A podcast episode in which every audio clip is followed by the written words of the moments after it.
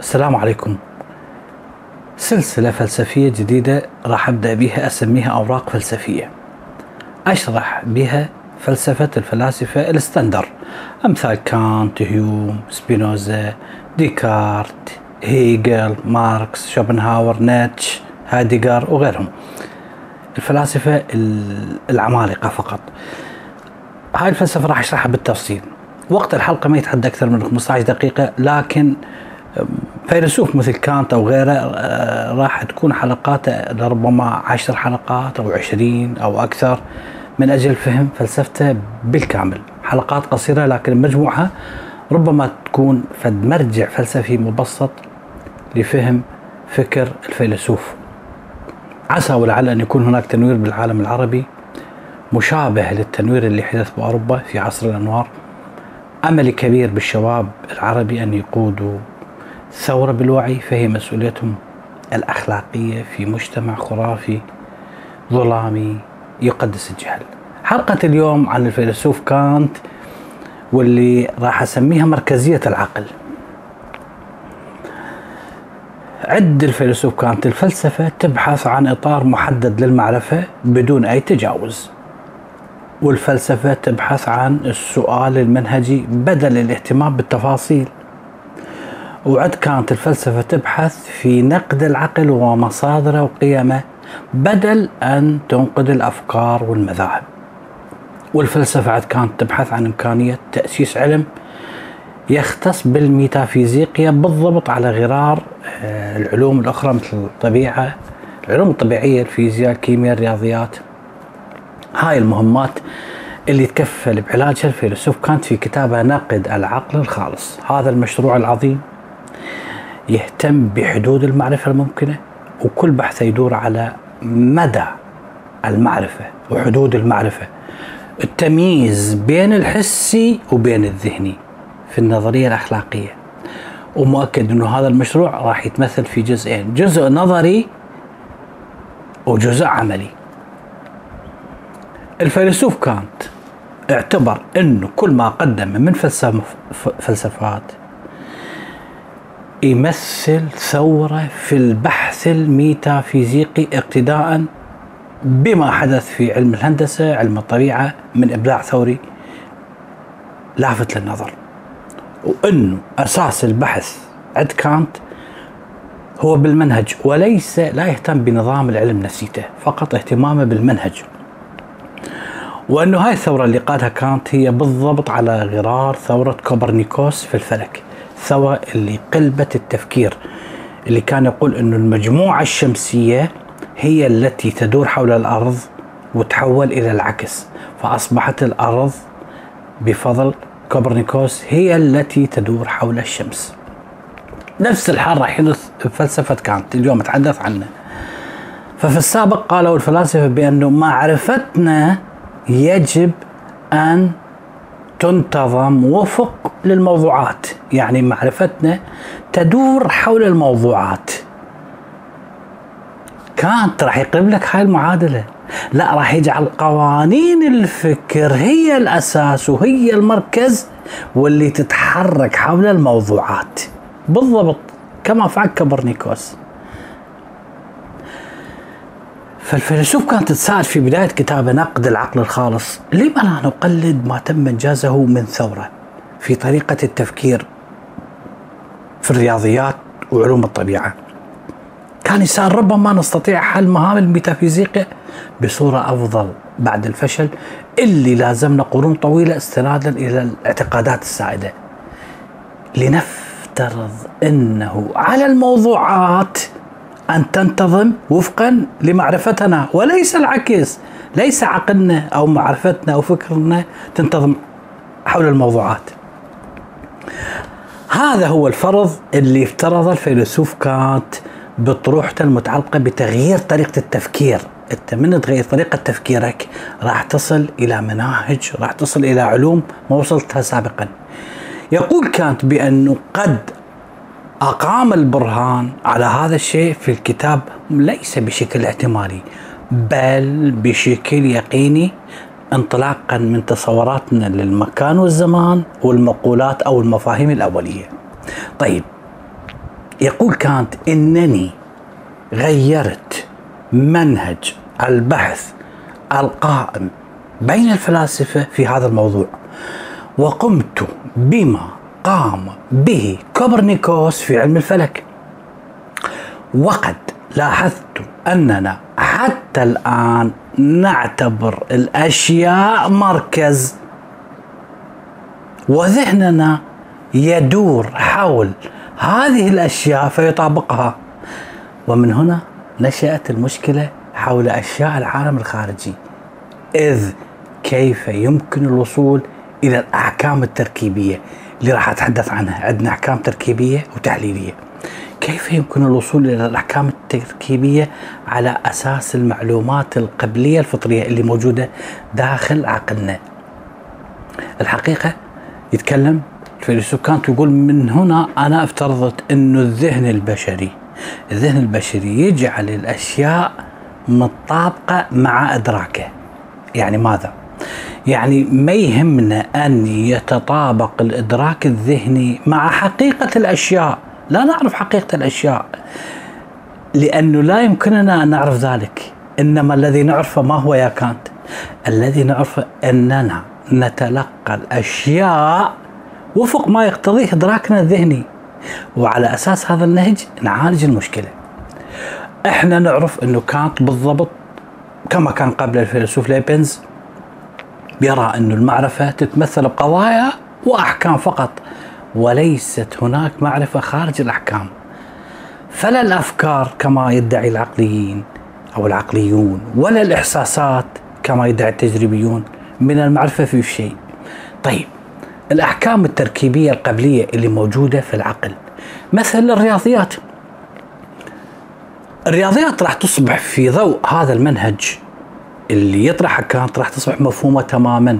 لماذا؟ لأنها تعبر عما تم إنشاءه داخل العقل قبليا من موضوعات. صورة ومادة لأن هي موجودة داخل العقل. وبدل من أن يدور العقل حول الموضوعات أو الأشياء ليتعلم من عندها كما قالت سابقا الفلاسفة قبل كانت يجب القول الآن بأن الأشياء أو الموضوعات هي التي يجب أن تدور حول العقل كما يقول الفيلسوف كانت يعني مركزية العقل لماذا؟ لتتكيف الأشياء بقوانين العقل لتخضع الأشياء لأسلوب العقل في فهمها عن طريق من؟ ماذا يوجد في العقل؟ عن طريق قوانين العقل عن طريق التمثلات والفروض اللي ينشأها العقل من عنده عن طريق عدسي الزمان والمكان. راح نعرف هاي التركيبات والإنشاءات الذهنية اللي يفرضها العقل على العالم كجزء من المعرفة. هذا العالم الظاهري فقط اللي يسميه فينومين فقط. أي ما يظهر لفكرنا عن طريق إطار الزمان والمكان. وهذا العالم وعالم المعرفة العلمية اللي لدينا عنها أحكام تركيبية قبلية.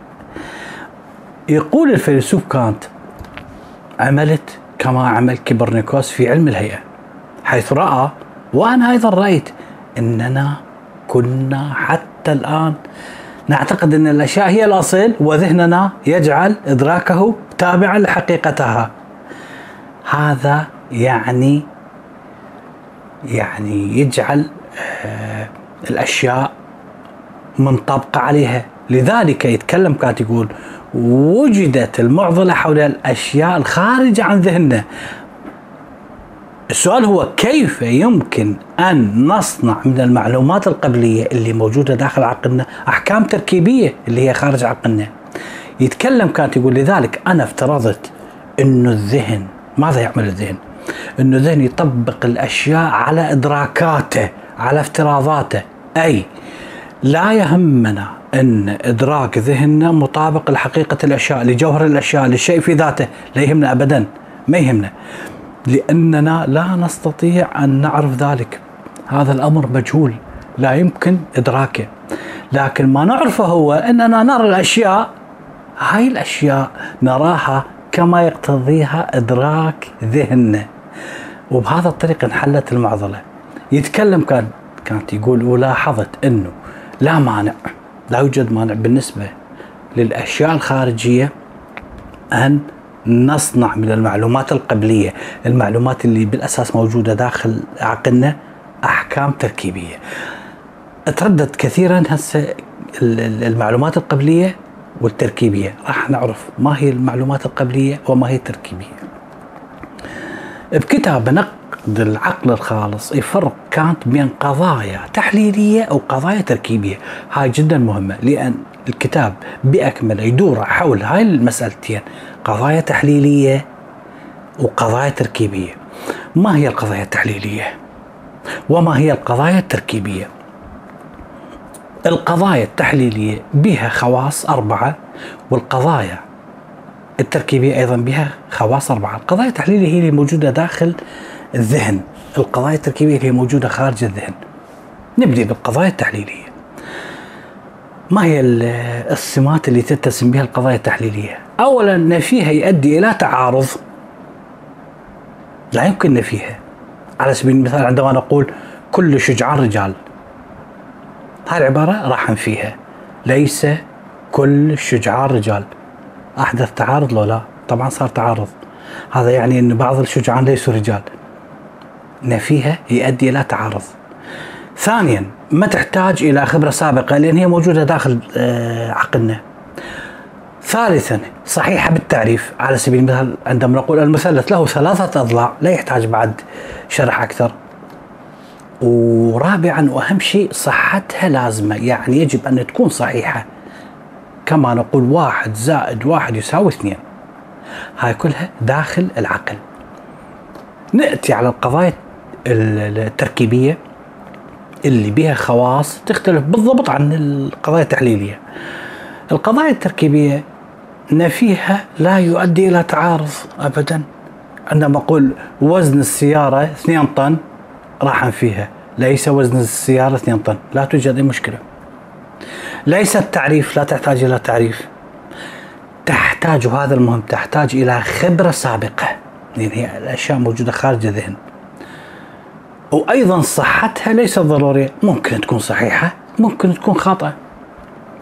هنا الفيلسوف كانت راح يتفق مع الفيلسوف ديفيد هيوم بنقطتين إنه جميع القضايا التحليلية يعني العقلية المعلومة بالفطرة اللي داخل العقل قضايا ما تحتاج إلى خبرة سابقة حتى نثبت صحتها. مثل واحد زائد واحد يساوي اثنين ما تحتاج إلى خبرة. وأيضا يتفق. الفيلسوف كانت مع ديفيد هيوم انه كل القضايا التركيبية اللي هي خارج الدماغ المعلومة بالتجربه قضايا تحتاج إلى خبرة سابقة تحتاج إلى تجربة حتى تثبت صحتها. هنا يتفقون. لكن يختلف الفيلسوف كانت مع ديفيد هيوم أنه العكس غير صحيح بالحالتين. ومن هنا تبدأ فلسفة كانت. ماذا يقول كانت؟ كانت يقول إن هناك بعض القضايا التركيبية اللي خارج الدماغ هي أيضا لا تتطلب خبرة سابقة. عجيب. إحنا قبل لحظات قلنا إن القضايا التركيبية تحتاج إلى خبرة. كانت هنا دا يقلب لك الموازين. يقول إنه هناك بعض القضايا التركيبية اللي خارج الدماغ اللي خارج العقل هي أيضا لا تتطلب خبرة سابقة. ماذا يعني هذا الكلام؟ هذا الكلام كفر بالنسبة للتجريبيين. قضايا تركيبية يعني تعتمد على الحواس حتى تثبت صحتها. فكيف يا كانت تقول إنه هي ما تتطلب لا تتطلب خبرة سابقة؟ المفروض على الفيلسوف كانت أن يثبت ذلك. عليك يا كانت أن تاتي لنا بمثال يوضح هاي الكلام. مثال يثبت لنا وجود قضية تركيبية خارج العقل لا تعتمد على خبرة سابقة في برهانها.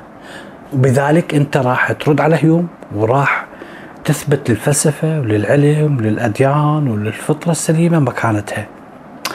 قبل أن يرد الفيلسوف كانت خلي ناخذ فد فكرة عن الفيلسوف هيوم. الفيلسوف هيوم هذا فيلسوف عظيم جدا.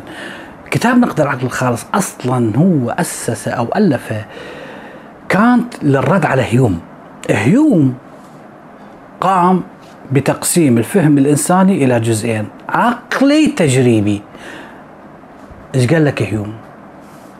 قال لك كتاب كيمياء فيزياء رياضيات ضعه على الرف. كتاب يتحدث عن الميتافيزيقيا القيه في النار.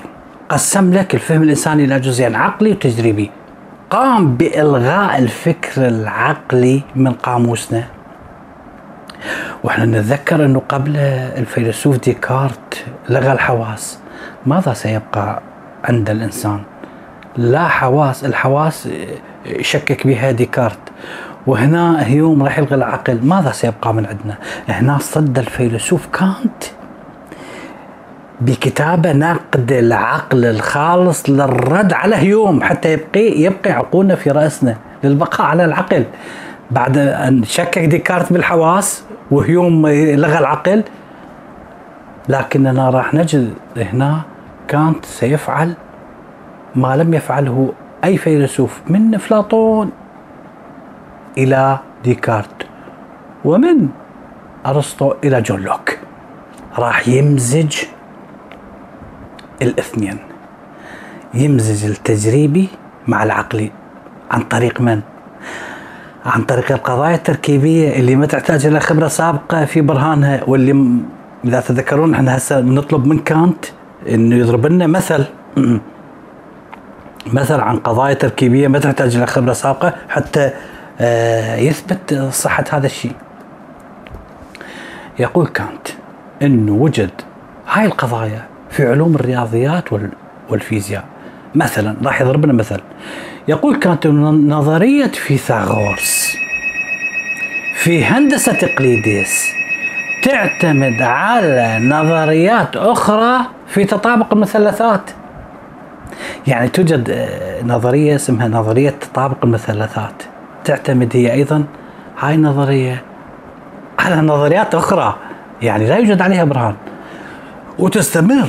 هاي النظريات الأخرى تعتمد على نظريات أخرى وهذه النظريات الأخرى تعتمد على نظريات أخرى وتستمر إلى أن نصل إلى بديهيات أساسية.